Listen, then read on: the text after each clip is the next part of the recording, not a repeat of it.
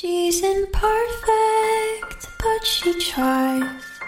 She is good, but she lies.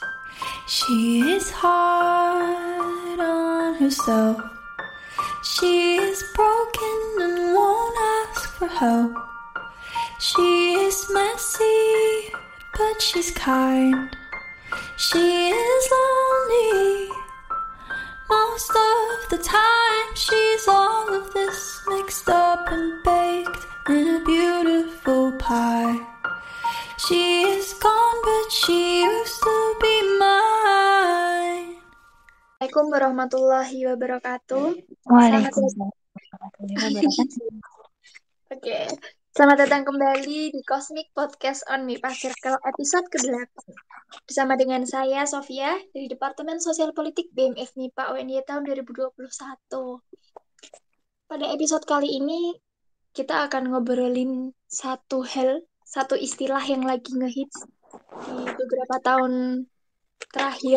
Dan saya yakin kita semua pasti tahu atau at least mendengar apa sih quarter life crisis. Nah, nanti kita akan ngobrol apa sih quarter life crisis itu, siapa saja yang mengalami, apakah berbahaya buat kita, kemudian bagaimana cara menyikapi ketika kita sedang berada di fase tersebut. Untuk pembahasan selanjutnya, saya ditemani oleh teman ngobrol yang begitu spesial. Beliau adalah salah satu mahasiswa dari Fakultas Ilmu Pendidikan jurusan Psikologi Universitas Negeri Yogyakarta dan beliau juga merupakan Wakil Ketua BMKM Universitas Negeri Yogyakarta tahun 2020. Selamat datang Mbak Fide. Selamat datang. Eh, selamat datang. Halo. Salah kok jadi ikutan ya?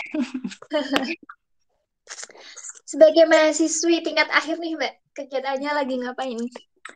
Oke. Kegiatan ya, mungkin sama seperti teman-teman semuanya yang posisinya berada di mahasiswa tingkat akhir ya, sedang berjuang untuk menyelesaikan skripsi. Karena memang ternyata nggak nggak semudah itu ya mengerjakan skripsi mungkin dalam pandangan kita uh, mudah tapi yang jelas butuh uh, suatu perjalanan proses tersendiri. Ya, sama seperti kita menyelesaikan perkuliahan juga membutuhkan suatu proses tersendiri. Ya. Nah, terus selain itu ditambah sekarang sedang mengajar di salah satu sekolah di Yogyakarta. Itu, itu aja sih kesibukannya. Um, lebih banyak gabutnya mungkin ya. Ini ya, beban skripsi. Iya, betul sekali. Enggak juga sih sebenarnya. Santai aja kok. Skripsi, itu bisa dibaca kok pasti digarap. Ya memang lawan tersendiri adalah hmm, skripsi itu mengalahkan diri sendiri. Tantangannya ada di situ. Nah, ini juga uh, tips ya buat teman-teman mahasiswa tingkat akhir ketika sedang mendengarkan podcast ini di highlight aja. Nah, uh, ini Mbak, sebenarnya quarter life crisis itu sebelum kita membahas lebih dalam ya, mungkin Oke. kita bisa memulai dengan apa sih sebenarnya quarter life crisis itu dan siapa saja yang sedang mengalami hal tersebut yang tentunya menurut ilmu psikologi. Silahkan Mbak Fide. Oke, oke. Kalau gitu uh, aku sapa dulu teman-teman yang lain ya. Gimana nih kabar teman-teman semua? Semoga kabarnya selalu sehat ya, selalu dalam kondisi yang baik. Kalaupun sedang dalam kondisi yang tidak baik, uh, itu suatu hal yang tidak bermasalah. Yang penting adalah dihadapi dan diterima keadaannya. Oke. Nah, teman-teman sekalian, oh, memang sekarang kondisinya adalah kondisi yang kita bilang cukup menyebalkan mungkin ya. Tapi di sisi lain ada banyak hal yang perlu kita syukuri juga.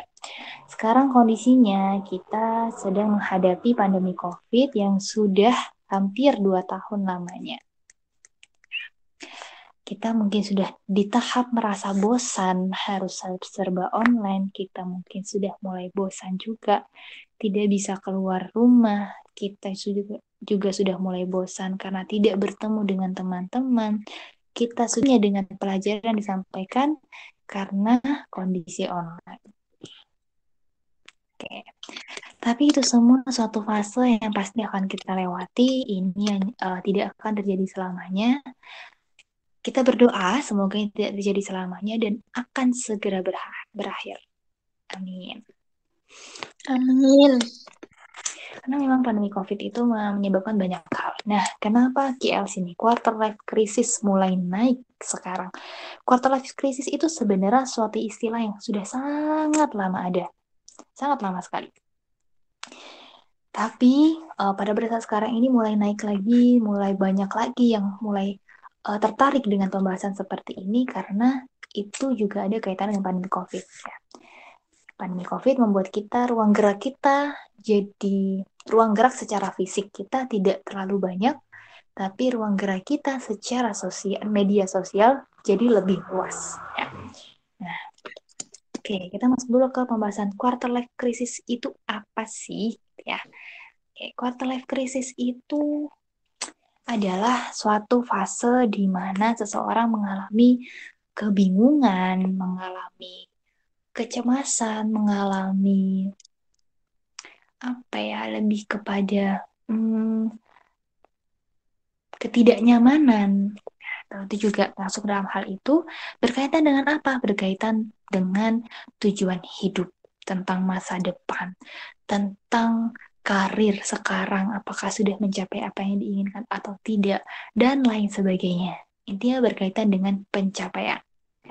Life ini berkaitan dengan pencapaian. Tuh. Sudah uh, berkaitan erat ke arah sana. Apakah hidupku sekarang sudah mencapai hal yang aku inginkan? Apakah aku sudah masuk hal yang sama? Apakah aku dan lain sebagainya. Ya, pertanyaan-pertanyaan mulai muncul pada fase-fase ini. Kenapa sih kok bisa ada KLC, kok bisa ada quarter life crisis? Ya. Yang namanya quarter, quarter itu adalah seperempat, ya seperempat. Yang dimaksud seperempat itu apa? Seperempat dari apa? Ini maksudnya adalah seperempat dari abad. Ya. Dalam satu abad ada 100 tahun. Nah, kita bagi aja. Seperempatnya berarti ada di usia 25 25. tahun. Oke. Okay. Oke, nah di sinilah tentang rata-rata usia yang akan terkena quarter life crisis ada di situ antara 20 tahun sampai 30 tahun. Tidak pasti 25 tahun ya, karena uh, bisa jadi kurang dari itu, bisa jadi lebih dari itu baru merasakannya.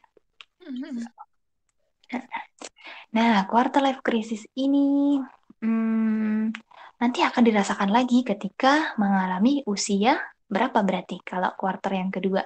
Di usia 5 50. 50. Ya. Okay. 50 bisa jadi akan mengalami kembali. Dan kemudian akan ada lagi quarter life yang ketiga yaitu di usia 75 tahun. Dan yang paling akhir ada di bagian terakhir yaitu di usia 100 tahun ya. Tapi usia 75 dan 100 tahun ini jarang terjadi. Usia 50 tahun uh, tidak lebih banyak daripada yang di usia 25 tahun tadi itu, quarter life pertama. Jadi kita ambil rentangnya adalah 20 sampai 30 pers 30 tahun ya usia segini dan itu banyak uh, disepakati oleh para peneliti di uh, psikologi ya. Nah, tapi memang bahkan ada yang bisa mengalami hal ini sebelum umur 20 tahun ada. Tapi rata-rata banyaknya orang akan mengalami di usia 20 hingga 30 tahun. Nah, kemudian kita tanya, siapa saja yang bisa mendapatkannya? Siapa pun bisa me apa ya bukan ter, bukan terkena tapi mengalami ya siapa saja bisa mengalami quarter life crisis ya. jadi mau dia orang kaya mau dia orang miskin mau dia orang pinter atau dia kurang pinter atau hmm, apa lagi ya segala macam yang penting dia berada di usia 20 sampai 30 bisa tapi bisa nggak kalau bisa nggak kena bisa juga. Bisa juga kita tidak mengalami fase quarter life crisis, bisa. ya. Jadi ini uh, bukan suatu hal yang pasti, bukan suatu hal yang pasti terjadi, tapi ini suatu hal yang pasti bisa dilewati. Ya, bukan pasti terjadi tapi bisa dilewati.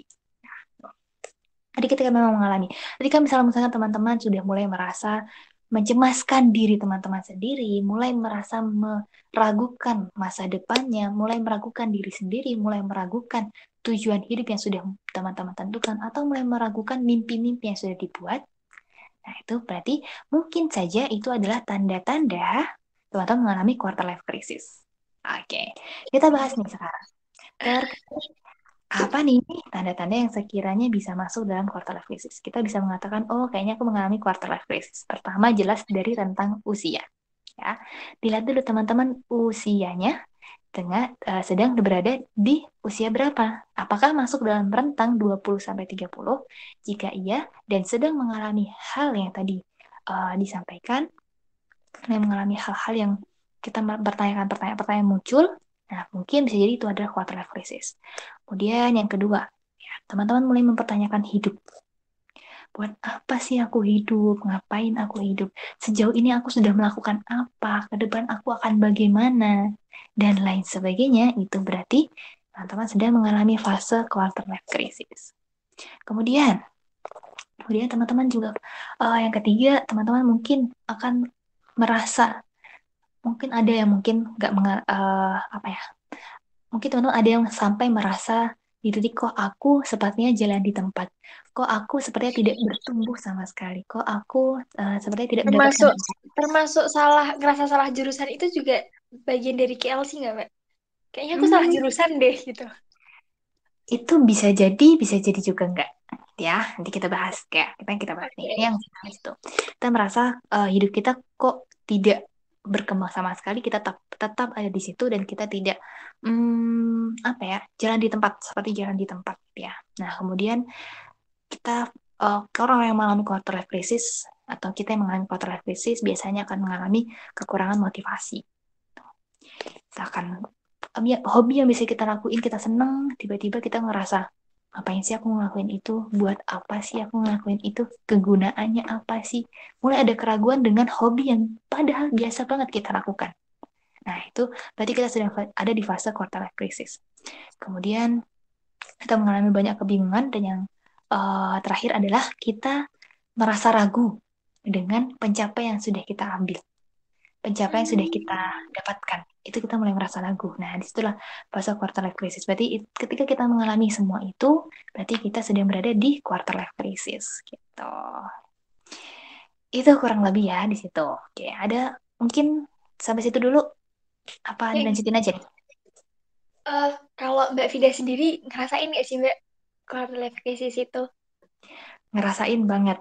Ngerasain banget. Ya ngerasain sih jadi kalau dari aku pribadi ngerasainnya adalah ya benar uh, ketika melihat teman-teman yang lain, ketika um, mulai mengalami suatu permasalahan yang cukup ber berat, permasalahan yang cukup uh, tidak pernah terbayangkan sama sekali itu hadir dan lain sebagainya, mulai tuh mempertanyakan diri. Sebenarnya untuk apa? Jadi sempat sempat di aku pribadi pun sempat sampai mempertanyakan, aku hidup tuh buat apa sih? Aku ngapain harus hidup? Ke depan masa depanku akan bagaimana? Mimpiku tuh apa sih sebenarnya? Apa yang aku cari di dunia ini? Nah, itu. Di ketik uh, aku sampai-sampai mempertanyakan pertanyaan seperti, seperti itu. Jadi itu adalah suatu fase quarter life crisis yang aku alami. Padahal usiaku ya usiaku masuk di rentang itu di 20 sampai 30. Baru baru baru, baru ini kok merasakannya. Di usia sekarang aku usia 20 1 22. Ya, di usia segitu hmm. aku merasakannya. Gitu. Kalau kamu sendiri udah mulai merasakan belum? Udah sih, Mbak. udah. Apa nih? Udah, Apa yang kamu rasain? ya, mungkin kayak aku nanti di masa yang akan datang, aku tuh beneran ya, beneran nggak ya bisa jadi ini gitu. Terus kemudian hmm, karena ya ada beberapa anak yang memang dari kecil dia dituntut oleh orang tuanya untuk sempurna gitu kan yang termasuk yeah. aku gitu terus takut nih uh, nanti di masa yang akan datang secara finansial aku berlimpah nggak ya finansialku hmm, kayak gitu sih Ah, ya betul betul betul betul. Sama-sama hal itu juga pasti uh, terjadi juga di aku kayak gitu juga terjadi. Dan mungkin terjadi juga di orang-orang lain. Tapi yang pasti adalah quarter life crisis. Pertanyaan-pertanyaan tentang diri, keraguan-keraguan yang hadir ketika fase quarter life crisis itu tidak ada yang sama satu sama lain. Ya, bisa jadi nih, kamu lebih mempertanyakan tentang apakah aku mampu untuk mencapai mimpi yang udah aku pajang, yang udah aku tentukan. Iya, yeah, benar-benar benar. Kalau aku sendiri aku sendiri lebih meragukan apa tujuan aku untuk hidup. Ya, itu aja udah berbeda gitu. Apalagi orang di luar Iya. sana. Oke, Itu bener, Tapi yang pasti, ketika masa quarter life crisis adalah mulai banyak keraguan dan pertanyaan yang kita ajukan kepada diri kita sendiri. Dan yang bisa menemukan jawabannya hanya diri kita sendiri. Kita sendiri. Hmm. Ini kita nanya ke diri kita, ya pasti kita sendiri yang harus cari tahu jawabannya gitu ya. Oke, itu. Apalagi nih mungkin yang Mbak, eh kalau dilihat lihat dan dirasakan gitu ya, quarter crisis ini eh beberapa hal mungkin ya atau beberapa yang dirasakan berawal dari melihat orang lain gitu. Nah, Ah, kemudian terus apakah ini memang ada sangkut pautnya dengan insecure atau gimana, Mbak? Oke, oke deh kalau gitu. Kita masuk ke apa sih yang menyebabkan orang bisa masuk quarter life crisis dan ah, situ gitu ya. Kita cari apa penyebabnya ya. Karena tadi ini belum pasti dirasakan semua orang. Itu belum.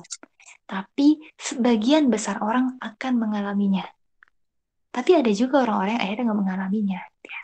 Sebenarnya apa gitu? Kenapa kok bisa banyak orang yang bisa mengalaminya? Nih, ini aku melansir ya, aku melansir, ini bukan dari kata aku sendiri, jadi kalau ada yang salah mungkin bisa dikoreksi dari teman-teman sekalian yang dengar. Oke, ini aku melansir dari tulisan seorang dokter, dokter, ya, tulisan dokter beliau menyampaikan di sini bahwa hal-hal yang bisa memicu adanya quarter life crisis adalah ketika kita mulai banyak nih menggunakan media sosial, kita banyak melihat teman-teman, kita banyak melihat pencapaian orang lain, orang lain sudah sampai ini, orang lain sudah ikut ini, sudah bla bla bla bla dan lain sebagainya. Gitu. Atau uh, ketika seseorang itu mengalami suatu kejadian tadi, kejadian yang amat berat, amat besar yang tidak pernah terbayangkan sebelumnya. Misalkan, misalkan nih, hmm, kita udah, udah misalkan udah punya, udah punya apa ya mimpi tujuan kalau misalkan dari sini aku harus ikut lomba PKM ketemu lomba PKM aku harus terdanai PKM-nya di terdanai PKM-nya aku harus lolos masuk timnas eh ternyata kita udah berusaha sekuat tenaga dan lain sebagainya udah uh, belajar mati-matian udah ikut udah bimbingan terus-terusan udah menghabiskan waktu sekian banyak dan lain sebagainya kita lolos terdanai tapi tidak lolos timnas padahal tujuan yang ingin diinginkan adalah timnas itu tidak pernah terbayangkan karena semasa hidupnya dia selalu menang lomba ini, selalu menang lomba itu, dan lain sebagainya. Pada kali itu adalah pertama kalinya dia gagal, itu juga bisa membawa dia kepada quarter life crisis. Atau misalkan kehilangan seseorang, kehilangan seseorang yang uh, benar-benar kita apa ya dekat sama kita, tiba-tiba tiba-tiba hilang tanpa pamit, tanpa menyampaikan apa pun dan sebagainya. Itu juga bisa membawa kita pada quarter life crisis. Kenapa nih gitu ya? Uh, mulai mempertanyakan diri, itu juga bisa menjadi penyebab pendorong kita masuk dalam quarter life crisis. Aduh, suaranya dulu hilang. Butuh minum Mbak Rida, tak godakin. Iya nih kalau kalau online kan nggak ada pesen snack ya. Kalau kalau offline kan ada pesen snack. Oke, kita lanjutin ya. Nah, kemudian bisa juga nih faktornya adalah uh, terlalu menutup diri itu juga bisa membawa kita dalam fase quarter life crisis. Maksudnya apa menutup diri? Kita tidak banyak nih bercerita tentang diri kita ke orang lain. Kita tidak banyak uh, mencoba untuk uh, mengevaluasi diri kita dalam artian evaluasi yang positif.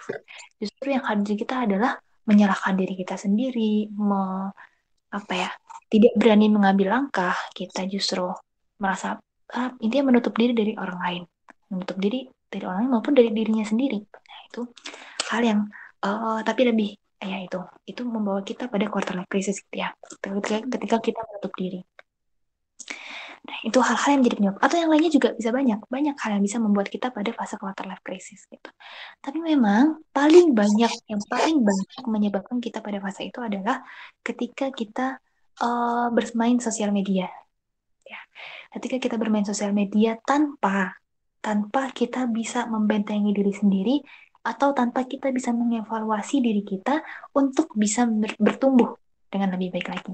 Ya. Jadi misalkan nih, uh, terutama nih, mungkin fase-fase seperti aku yang fase-fase pada kondisi semester akhir, semester akhir. Atau mungkin kondisi angkatan-angkatan yang di bawah, angkatan 2018, yang udah mulai fase-fase KKN dan mau menuju skripsi dan sebagainya ketika ada temennya mengupload rank melihat ada informasi tentang wisuda oh teman ini udah wisuda. Oh si ini udah sidang. Oh si ini udah sempro. Dan lain sebagainya kok aku belum? Nah hanya dari pertanyaan kecil kok aku belum ya? Itu bisa membawa pengaruh kepada diri kita untuk masuk ke corporate crisis. Mulai mempertanyakan aku ngapain aja nih? Selama ini aku kuliah dapat apa aja nih? Aku kuliah tiga tahun bayar segini banyak mahalnya kok nggak dapat apa-apa ya? Aku ngapain kuliah? Untuk apa aku kuliah nanti? Akan kerja di mana tuh? Padahal bisa karena ber, hanya bermula dari kok aku belum satu pertanyaan kok aku belum satu pertanyaan bisa menumbuhkan banyak pertanyaan itulah yang terjadi pada quarter life crisis gitu ya dan itu yang paling banyak terjadi paling banyak penyebab yang paling banyak menyebabkan kita masuk pada quarter life crisis adalah seperti itu ketika melihat pencapaian orang lain atau ketika kita mulai membandingkan diri kita dengan orang lain. Orang lain. Itu paling banyak penyebabnya. Kalau kamu sendiri gimana nih? Apakah kamu, tadi kamu kan cerita nih, kamu tadi cerita kalau kamu udah mulai tadi udah sempet sempet masuk nih mempertanyakan mempertanyakan dirimu sendiri tentang mimpi-mimpimu kamu udah cari belum? Apa sih penyebabmu kok bisa sampai kamu mempertanyakan apa yang udah kamu tentukan sebelumnya? Uh, mencari yang di sini, yang dimaksud Davida itu mencari di dalam diriku sendiri atau mencari secara formal nih, entah jurnal atau gimana gitu. Hmm, dari dirimu sendiri, apa yang menyebabkan kamu mulai mempertanyakan mimpi-mimpimu? Mulai mempertanyakan dirimu sendiri. Iya, soalnya uh, ya dulu tuh aku pengen banget jadi dokter gitu dan emang hmm. udah ini pokoknya pokoknya nggak mau kalau nggak kedokteran gitu gitu dulu tuh gitu kan okay. 2018 aku lulus gitu kan. Terus setelah itu ya emang benar-benar aku perjuangin mbak. Aku sama sekali enggak daftar di jurusan lain pokoknya cuma kedokteran gitu. Nah ternyata uh, ber, ber, berpuluhan berpuluh-puluh kali gitu ya di swasta pun juga dijabanin gitu. Dan alhamdulillah dapat tapi kedokteran gigi di salah satu universitas swasta besar di Semarang oke okay. nah ya ternyata uh, waktu itu karena bapak itu juga harus mencalonkan diri gitu mm-hmm. masa-masa kampanye Hmm. Akhirnya bentrokan kan itu. Iya betul. Apalagi kedokteran di swasta juga nggak murah, sangat-sangat iya, mahal. Effortnya sangat yeah. besar. Gitu. Terus nah. juga udah sempet dapat ini ya beasiswa di Tiongkok kedokteran. Mm-hmm. Terus mungkin karena kejauhan, jadi nggak diizinin sama mama. Karena okay. anak terakhir gitu kan. Nah -huh. itu mulai, aduh aku harus muter balik nih gitu kan yes, aku tuh mau ngapain ya nanti hmm. depannya gitu bisa nggak ya di jurusanku yang sekarang aku tuh uh, ya memperjuangkan lah gitu mulai dari situ sih nah itu dia. Nanti, uh, penyebab kamu apa coba? Kalau kita kategorikan kelompok yang tadi. Uh, penyebabmu adalah kamu mengalami suatu hal yang tidak kamu duga. Iya, kamu mengalami kamu sempat ketika uh, ketika mulai mendaftarkan diri merasa yakin oh aku pasti diterima kok. Aku bisa kok jadi dokter. Aku bisa masuk. Gitu. ternyata ada kendala lain. Orang tua tidak setuju. Kendala ekonomi yang bertabrakan harus mengeluarkan uang yang banyak juga. Lebih. ya. Hmm, jadi pertama itulah yang jadikan akhirnya kita masuk pada fase quarter life crisis gitu ya. Karena karena kita harus uh, di saat itu kamu harus mulai merelakan apa yang sudah kamu perjuangan kamu harus berganti dan kamu mempertanyakan dirimu apakah aku mampu? Apakah aku bisa? Apakah hal ini bisa membawa aku pada apa yang aku inginkan? Gitu kan ya. Tadi ya kita berbeda-beda. Penyebabnya pun tidak akan pernah sama setiap orang penyebabnya tidak akan pernah sama ya gitu setiap orang tidak uh, tidak pasti mengalami quarter life crisis, ada yang juga tidak mengalaminya. Gitu. Oke, itu aja bisa bisa banyak faktor kok, bisa banyak faktor macam-macam lah. Atau misalkan uh, mengalami suatu kecelakaan, misalkan kecelakaan kecelakaan motor, kecelakaan motor, duh ngomong belibet banget. Mungkin yang motor, uh, dipikirnya kan udah punya SIM, udah ahli, udah sering ke mana-mana. Tahu-taunya naudzubillah si A mengalami kecelakaan motor, deh, gitu. dan tangannya patah. Akhirnya dia tidak bisa menggunakan tangannya selama beberapa waktu yang cukup lama. Penyembuhan tangannya patah pasti nggak makan waktu sebentar kan, butuh beberapa bulan. Kemudian dia mulai kayak uh, awalnya misalkan dia bisa pergi ke mana-mana, jadi tidak bisa pergi ke mana-mana karena tangannya patah.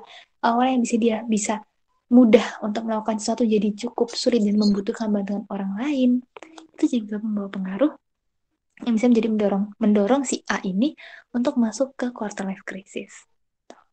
Ini bisa macam-macam banyak banget lah penyebabnya dan gak pernah sama semua orang. Tapi kurang lebih yang dirangkum uh, kurang lebih kita ketika dikelompokkan dengan kelompok yang besar tadi itu ketika terlalu banyak berselancar di media sosial, ketika terlalu banyak membandingkan diri dengan orang lain, ketika mengalami suatu kejadian atau hal yang tidak terduga, atau ketika uh, terlalu banyak menutup diri, gitu. Itu sih kemungkinan yang uh, mungkin kurang lebih kalau misalkan ada yang salah bisa dikoreksi kali ya, bisa kita saling saling belajar lah karena aku juga belum lulus dari S S1 psikologi kok, jadi masih masih masih banyak salahnya gitu. Tapi emang benar sih Mbak, kalau media sosial itu juga pengaruh uh, iya dan bisa dikatakan mungkin bagi beberapa orang itu akan toksik gitu. Karena aku sendiri uh, sempat hampir mengalami hal itu gitu. Jadi wah ya karena latar belakang yang tadi sudah saya ceritakan itu tadi terus kok akhirnya ketika melihat teman-teman uh, terus mereka wah yang udah udah kedokteran UGM terus UI dan sebagainya gitu kan. Aduh nih bahaya nih kalau kayak gini. Terus akhirnya aku merasa kalau aku kebanyakan di Instagram ya biasanya uh, aku malah meratapi diriku sendiri gitu dan nggak mau maju karena aku stuck gitu. Cuma ya kok aku gagal sih? Kok harus kayak gini sih? Kenapa ya uh, harus kayak gini gitu? Harus dihadapkan dengan ekonomi keluarga yang harus berbenturan terus kemudian nggak dapat isi dan sebagainya. Akhirnya ya, betul, aku memutuskan buat oke okay, stop lah. Aku agak ini dulu ya agak berjarak sama medsos gitu. Hmm. Dan akhirnya sekarang udah saya belum maksudnya kan masih sekarang masih banyak mempertanyakan dirimu kah atau hal itu. Sekarang mulai berkurang dengan kamu berpuasa sosmed Oh berkurang sekali. Hei, berarti berhasil apa yang kamu lakukan. Iya. Oke, memang betul ya itu. Ya memang memang uh, sejauh ini, apalagi dalam kondisi pandemi sekarang, ya, si pandemi sekarang, ah, apa sih yang bisa kita lakuin? Kita pasti, pasti dengan kita sekarang serba online, otomatis, otomatis kita jauh lebih banyak berselancar di media sosial. Kecuali hmm. kita bisa membanding ya, diri untuk tidak membuka media sosial. Tapi itu jauh lebih berat. Karena godaan buka media sosial itu sangat biasa. Bahkan kadang kalau pas pas pas mata kuliah gitu masih suka nyolong-nyolong ini main IG atau Twitter gitu. Itu dia benar. Karena rasa-rasanya kayak kalau sekarang kalau kita nggak buka media sosial, kita nggak lihat apa yang terjadi di media sosial, kita seperti seorang yang ketinggalan berita, ketinggalan zaman, ketinggalan ya segala macamnya gitu kan? Betul, betul. Nah, itu dia. Itu yang paling banyak menjadi penyebabnya. Itu dia. Ketika kita sudah menyatakan nih, ini tadi yang aku udah, aku bahkan sempat ngomong tadi, kita merasa ketinggalan banyak hal ini, itu dan segala macam. Itu berarti aku sendiri tadi sudah mulai membandingkan dengan orang lain. Orang lain. Nah, itu juga bisa membuat kita um, menjadi quarter life crisis kalau misalkan nih misalnya ditanya berapa lama sih quarter life crisis? Bisa bisa bisa berapa lama? Nggak hmm. nentu sih sebenarnya itu tuh nggak mesti. Misalkan kita bisa mengalami quarter life crisis hanya dalam waktu beberapa minggu hanya dalam waktu beberapa bulan atau ada juga yang mungkin bisa sampai bertahun-tahun lamanya ada juga gitu loh. Bisa jadi itu beda-beda dan itu sesuai dengan uh, tergantung dari masing-masing orangnya ya.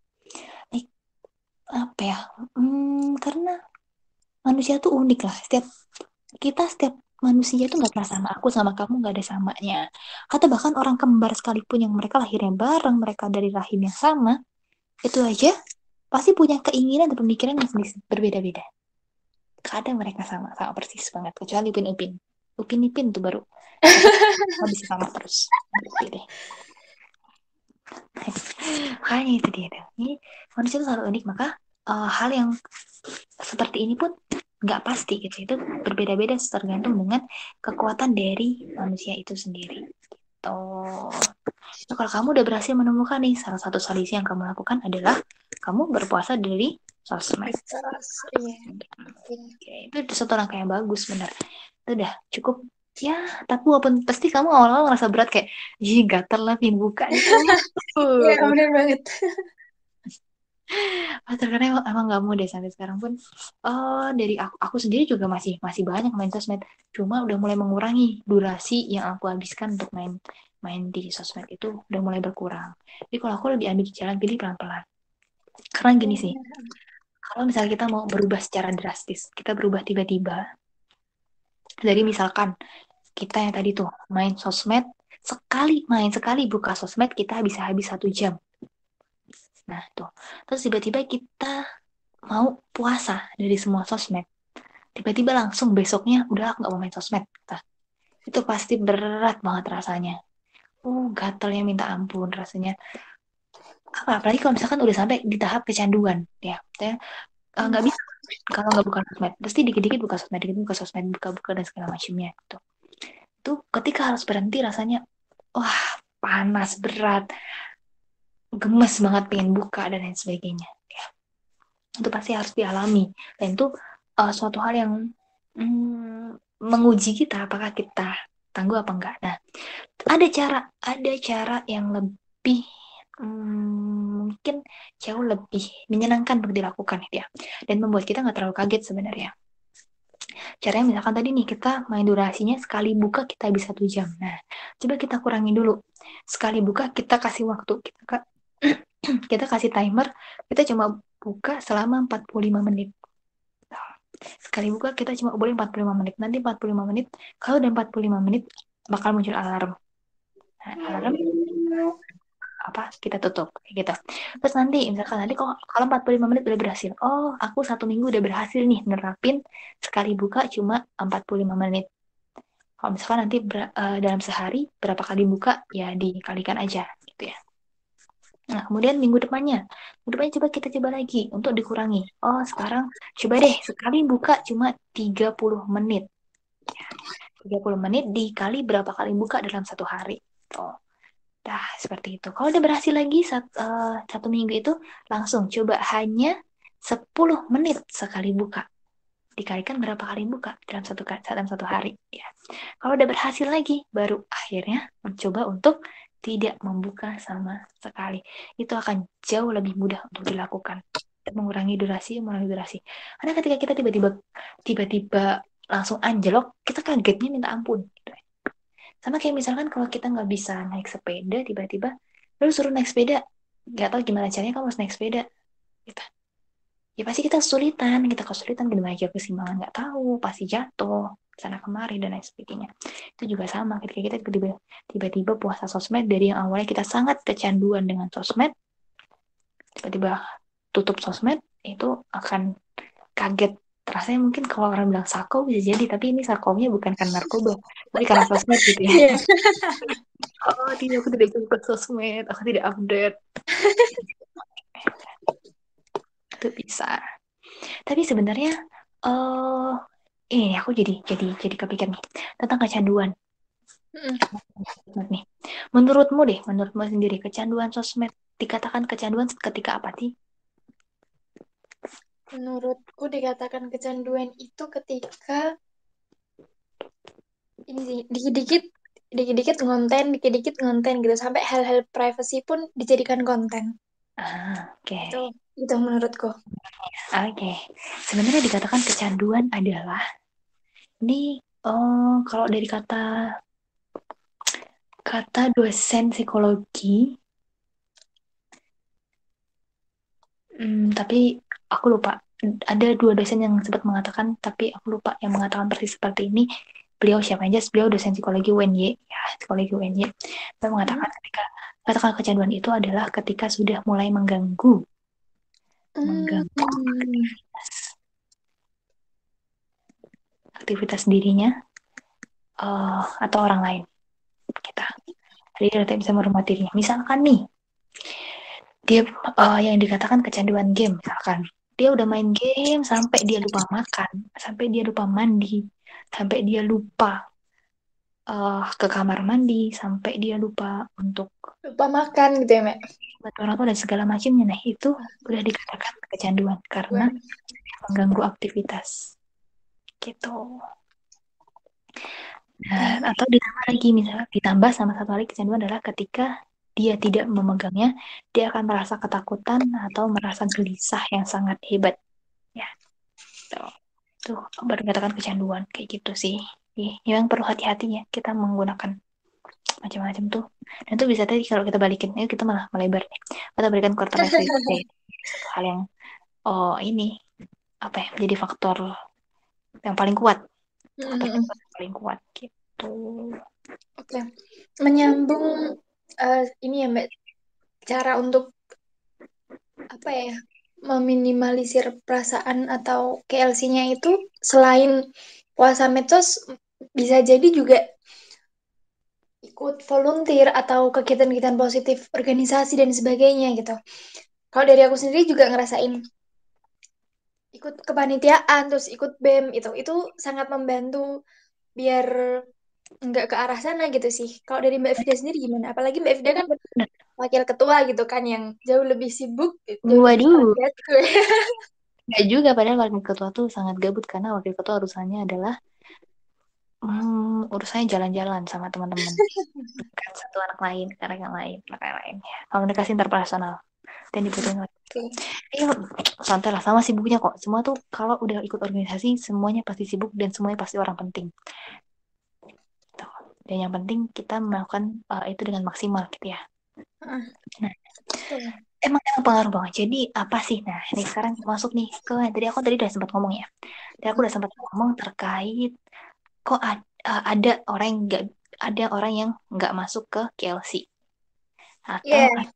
atau ada orang yang KLC-nya eh waktu KLC-nya tidak ada yang sama.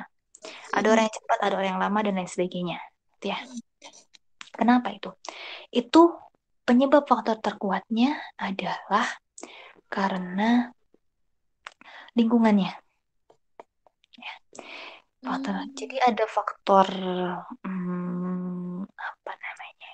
Preventif sama ada faktor pendorong dan faktor penghambat. Nah, itu ya namanya. Ada faktor pendorong dan faktor penghambat. Ya.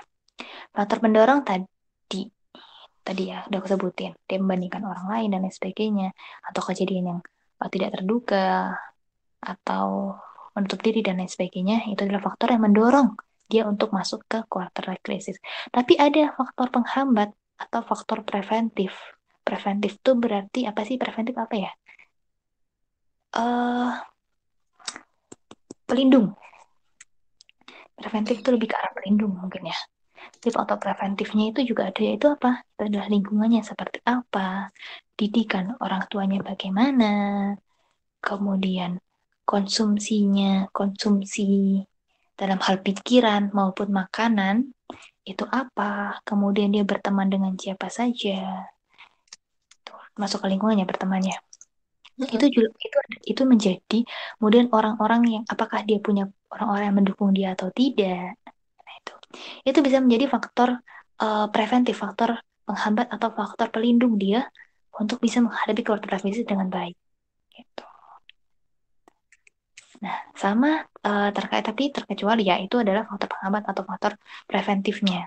Cuma belum tentu ketika memiliki itu semua, kemudian terus kita bisa mengatakan, oh aku punya lingkungan yang bagus, oh aku punya teman-teman yang mendukung, oh aku berteman, eh, aku konsumsi makannya bagus, makan secara makanan maupun makanan secara otak, oh, aku bagus. Berarti aku nggak akan dong kena quarter life crisis, belum tentu, gitu ya, belum tentu juga, gitu bisa jadi tetap menghadapinya ketika mengalami suatu hal yang tidak terduga. Tuh. Ya, jadi uh, ini makanya bilang preventif itu bukan berarti men, um, langsung mengatakan bahwa diriku tidak akan terkena dengan quarter life crisis. Tapi itu adalah faktor yang bisa membuat kita jauh lebih aman ketika harus mengalami quarter life ataupun uh, kita bisa melewatinya dengan cepat kayak gitu. Itu sih. Jadi ketika jadi emang uh, dan yang paling paling berpengaruh sampai saat ini tuh adalah tentang lingkungan dan tentang diri kita sendiri lingkungan didikan orang tua. Lingkungan didikan orang tua itu yang bisa jadi hmm, yang paling yang paling mengena lah untuk membuat kita bisa melewati waktu krisis ataupun bisa kita terhindar dari kuat krisis yang terlalu dalam ya Nah, itu bisa jadi lingkungan, bisa dari mana? Bisa dari lingkungan keluarga, atau misalkan kita cari dengan uh, menyibukkan diri di lingkungan organisasi, itu juga nggak masalah gitu. Itu juga nggak masalah kok. Dia adalah menciptakan atau menemukan lingkungan yang membuat diri kita mempunyai support. Ada orang-orang yang akan mensupport kita, ada orang yang akan memberikan penjelasan kepada diri kita. Gitu. Itu bisa pengaruh banget. Banget. Gitu dan benar apa yang kamu katain? Kalau ikut organisasi bisa nggak sih jadi akhirnya nggak terkena quarter life crisis? Iya atau bisa jadi sebenarnya dia kena quarter life crisis tapi dia cepat untuk selesai dengan quarter life crisisnya gitu. okay. eh tadi kan disampaikan sama Mbak Vida kalau uh, quarter life crisis ini bukan hal yang pasti dirasakan gitu kan berarti kan memang ada kemungkinan ada orang yang tidak merasakan hal tersebut. Tapi emang beneran ada nggak sih Mbak yang dia tuh sama sekali nggak ngerasain KLC gitu? Aku nggak tahu juga sih beneran ada atau enggak. Tapi yang jelas uh, ini belum pernah dikatakan bahwa ini adalah suatu hal yang pasti terjadi di semua manusia tuh belum ada yang pernah menyatakan hal itu ya. Semua menyatakan bahwa hal ini adalah suatu yang fase yang biasa dilewati. Semua orang eh, rata-rata kalau dicari baik di jurnal maupun di web gitu ya biasa pakai kata biasanya. Kata biasanya itu adalah merujuk pada suatu hal yang tidak pasti, ya kan? Tapi kalau kalau mereka menggunakan kata ini sudah pasti terjadi di semua orang, nah itu berarti saya udah mengklaim bahwa itu pasti, ya pasti terjadi. Hmm. Sejauh ini aku cari selalu menggunakan kata biasanya, biasanya, biasanya, biasanya jadi aku menya aku menyatakan makanya nanti teman-teman kalau misalkan punya data yang lebih bagus, punya jawaban yang lebih benar bisa dikoreksi. Ya. Jadi aku menyimpulkan sendiri kalau kata biasanya merujuk pada sesuatu yang tidak pasti berarti tidak semua orang mengalaminya. Atau bisa jadi semua orang pasti mengalaminya tapi berbeda-beda tarafnya lama tidaknya berbeda-beda. Mungkin. Atau jadi orang itu mengalami tapi tidak menyadari. Itu juga bisa jadinya uh, macam-macam ya. Hmm. aku tidak berani mengatakan bahwa itu pasti terjadi di setiap manusia. Aku nggak berani mengatakan itu. Gitu. Hmm. terus uh, sebenarnya KLC ini KLC ya? KLC ini bahaya nggak sih mbak buat kesehatan mental kita bahaya atau enggak? Hmm, bisa jadi berbahaya. Bisa jadi juga enggak. Pertama bisa jadi bagus jadi enggak sebenarnya.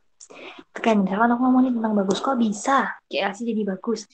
Kenapa bisa jadi bagus? Itu karena karena ketika kita sudah mulai mempertanyakan diri kita kita akan mengevaluasi diri kita. Ini kalau yang karya yang bagus ya. Kita akan mengevaluasi diri kita sendiri. Misalkan kayak kamu tadi duh aku udah nggak bisa masuk ke dokteran nih akhirnya. Aku harus ke mana? Aku harus ngapain? Kemudian uh, ketika aku udah merencanakan nanti dari kedokteran aku akan jadi ini, kemudian aku akan berapa tahun mengambil ini, aku akan ikut ini, itu dan segala macam harus berubah dan berganti ke jurusan yang lain, ya ke jurusan yang lain. Ketika kamu tadi yang uh, tentang kasusmu deh, kita pakai kasusmu.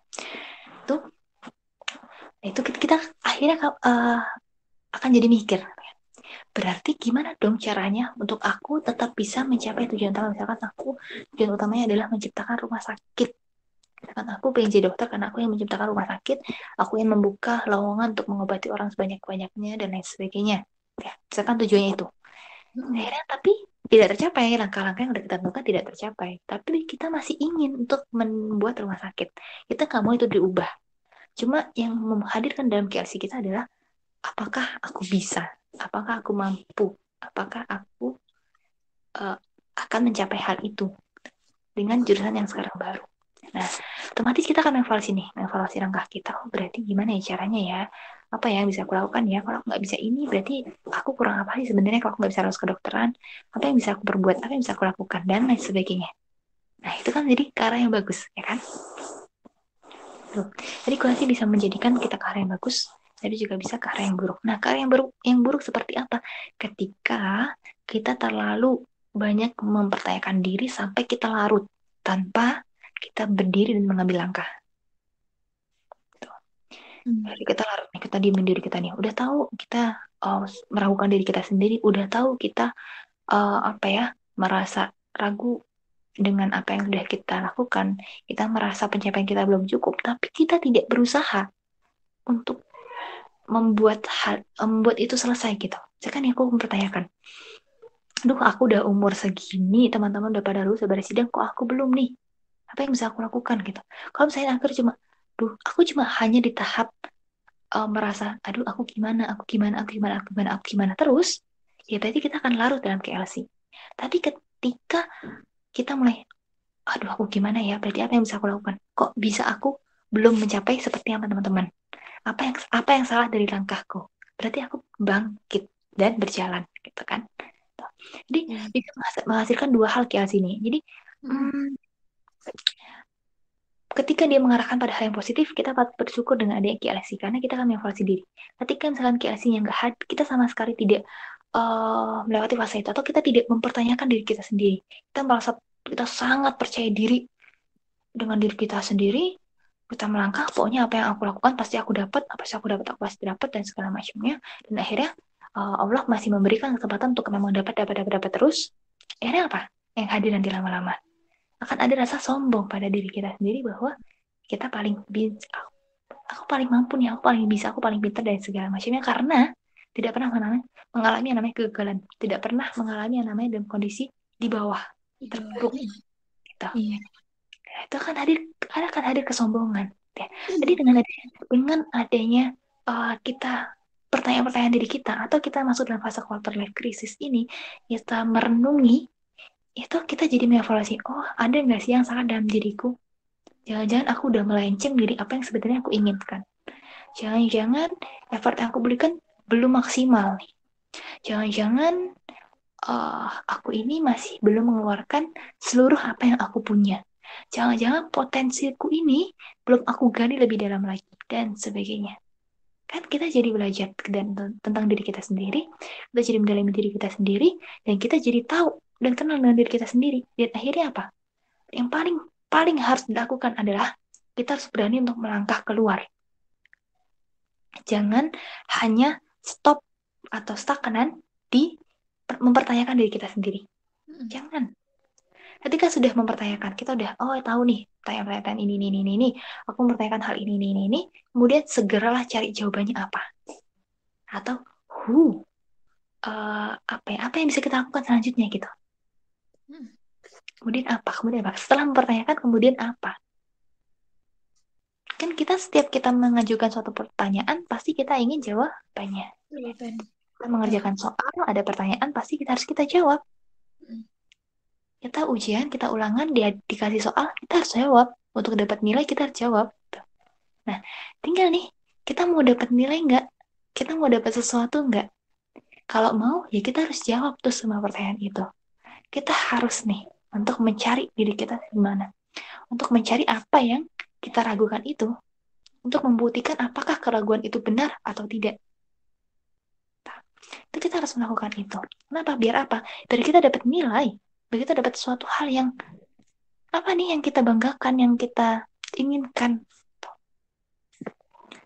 Itu nanti kita harus lakukan. Pertanyaan harus dijawab. Pertanyaan dalam diri harus dijawab bukan hanya menjawab aja, tapi kemudian harus melangkah dan melakukan. Gitu.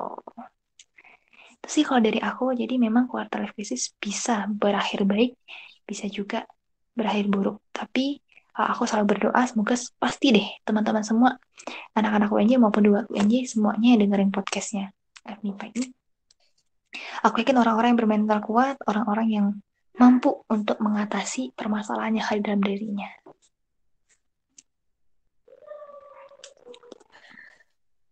Mantap ya Allah luar biasa sekali. Aku Luar juga. juga kesentuh gitu ya. Yang berlebihan. Nggak maksudnya langsung ngerasa aduh kayak kayak disindir nih gitu. Aduh, aduh aku banget ya. Aduh. Aku juga kadang kalau ngomong kayak gini jadi ngerasa nyindir diri sendiri. Aduh, aku gimana nih? Thank you deh. Terima kasih banyak. Sama ini sih pesanku, jangan Ya, silahkan. eh, ketika misalkan kita nggak lagi ngalamin ngalamin hal tadi ya, kita mempertanyakan meragukan diri sendiri atau kita lagi di fase quarter life crisis, coba coba untuk berbagi dengan orang lain tentang keresahan yang kita alami. Kenapa? Karena kadang kadang nih kita itu tidak objektif dalam melihat permasalahan kita sendiri. Terkadang kita butuh kacamata orang lain atau sudut pandang yang berbeda dari permasalahan yang kita hadapi. Misalnya kita biasa menghadap ke depan. Lihat suatu kotak, suatu bangunan rumah itu dari depan aja. Dari pintunya doang, pintu utama masuk. Kita nggak pernah lihat sampingnya seperti apa, belakangnya bagaimana, atasnya, bentuknya apa, dan segala macamnya. Tuh. Sama nih kayak um, ada pernah cer- ada satu cerita. Ada satu cerita di mana ada tiga orang buta yang disuruh mendeskripsikan tentang gajah. Tapi mereka hanya boleh menyentuh satu. Orang pertama menyentuh belalainya. Kemudian dia mendeskripsikan bahwa gajah itu panjang. Kemudian orang kedua, orang kedua yang buta menyentuh bagian badannya. Kemudian dia menyatakan bahwa gajah itu gendut. Kemudian satu orang lagi terakhir, dia memegang telinganya. Dia menyatakan bahwa gajah itu tipis dan lebar. Itu yang dinamakan gajah tipis dan lebar karena dia hanya memegang bagian telinganya. Tapi dia nggak tahu bahwa itu ada telinganya karena dia buta, dia tidak melihatnya. Kan? Tuh.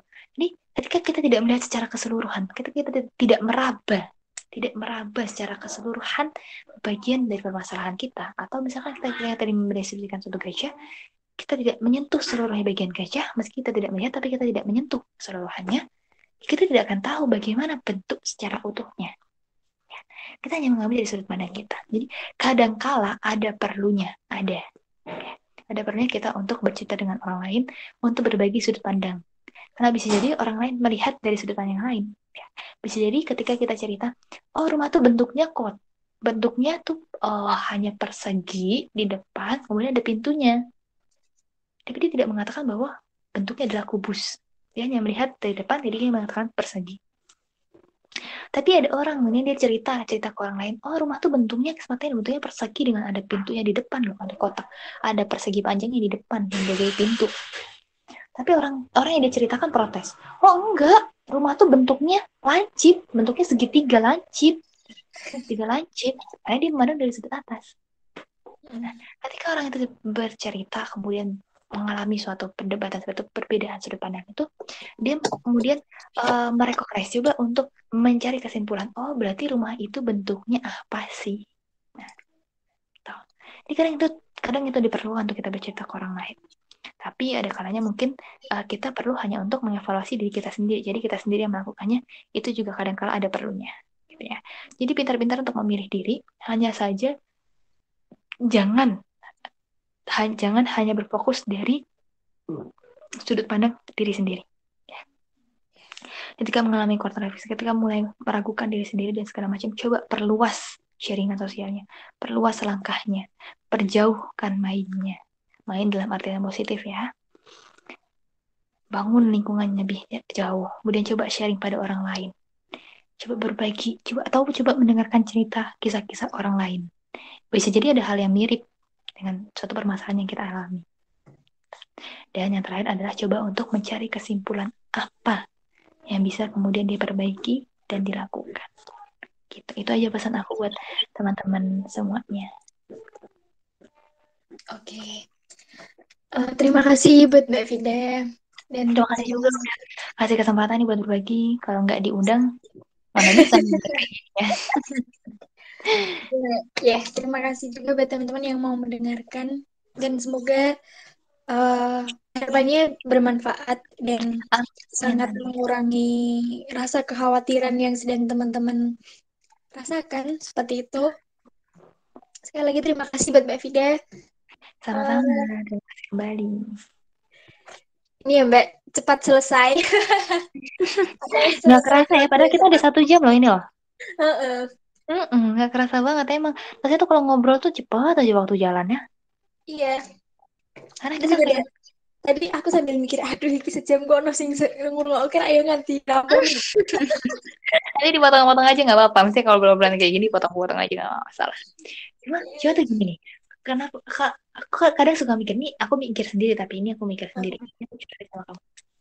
Aku sendiri. Kenapa sih kok kita kadang ngobrol suka nggak kerasa waktunya habis gitu. Kalau dari aku sendiri aku menyimpulkan ketika kita ngobrol kita seolah lagi jalan-jalan. Gitu. Jadi kita banyak hal dari kita saling bercerita dan saling mengobrol. Jadi itu satu hal yang menyenangkan makanya kadang kalau ngobrol suka tiba-tiba oh ternyata waktunya dia segini sama kan kalau misalnya kita lagi jalan-jalan lagi liburan nggak kerasa tiba-tiba liburannya udah habis kok aku udah udah main semua permainan kok aku udah jalan-jalan ke semua kota dan segala macamnya. Padahal itu cuma ngobrol. Jadi kalau asumsiku ketika kita ngobrol makanya aku senang banget. Aku senang banget kalau diajak ngobrol diajak cerita kayak gini. Suka aku happy. Ini jalan rasanya sama aja kayak jalan-jalan. Karena kita menikmati ya mbak. Coba kalau nggak menikmati ya. Iya terus iya sih. Itu juga itu juga jadi faktor. Tuh soalnya aku kadang kalau di kelas gitu ketemu dosen atau dulu dulu zaman SMA ketemu guru yang aduh nggak enak nih gitu waktu tuh kerasanya berjalan lama banget jalannya iya, lama banget. Oke. Itu mbak Fida. Kayak seneng banget lah aku bisa diundang sama Pak nih. Keren lah kalian bikin podcast dengan tema seperti ini. Walaupun mungkin temanya oh apa ya cukup udah banyak orang yang dengar mungkin udah mulai agak bosan tapi kadang kala ketika kita dengerin ulang kan jadi oh ada satu hal yang mungkin terlewat gitu kan ya Ya, betul sekali. Oke, Mbak Vida, selamat melanjutkan kegiatan ya, Mbak. Kamu juga. Semangat terus. Yang jelas, Demnya semoga makin sukses, makin. Dan, oh, semua permasalahan-permasalahan kalian pun, kalian pasti bisa menghadapinya. ya, itu paling penting sih. Betul dong. Oke. Oke, Mbak, saya tutup.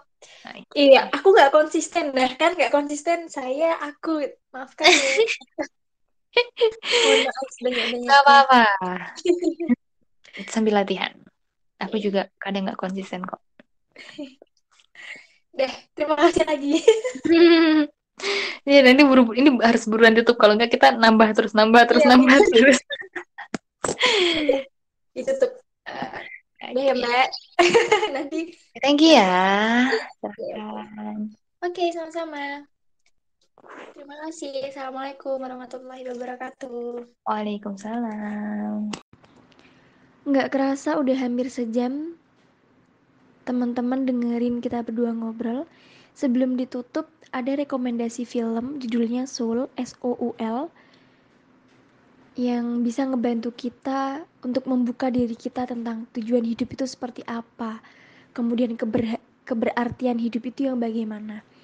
Jadi mungkin buat teman-teman yang sedang mendengarkan podcast ini terus merasa lagi bimbang atau merasa ada di posisi seperti ini, boleh banget nonton film soal ini atau ya yang untuk menemani kegabutan teman-teman di kos atau di rumah gitu ya after uas bisa banget nih nonton film Soul.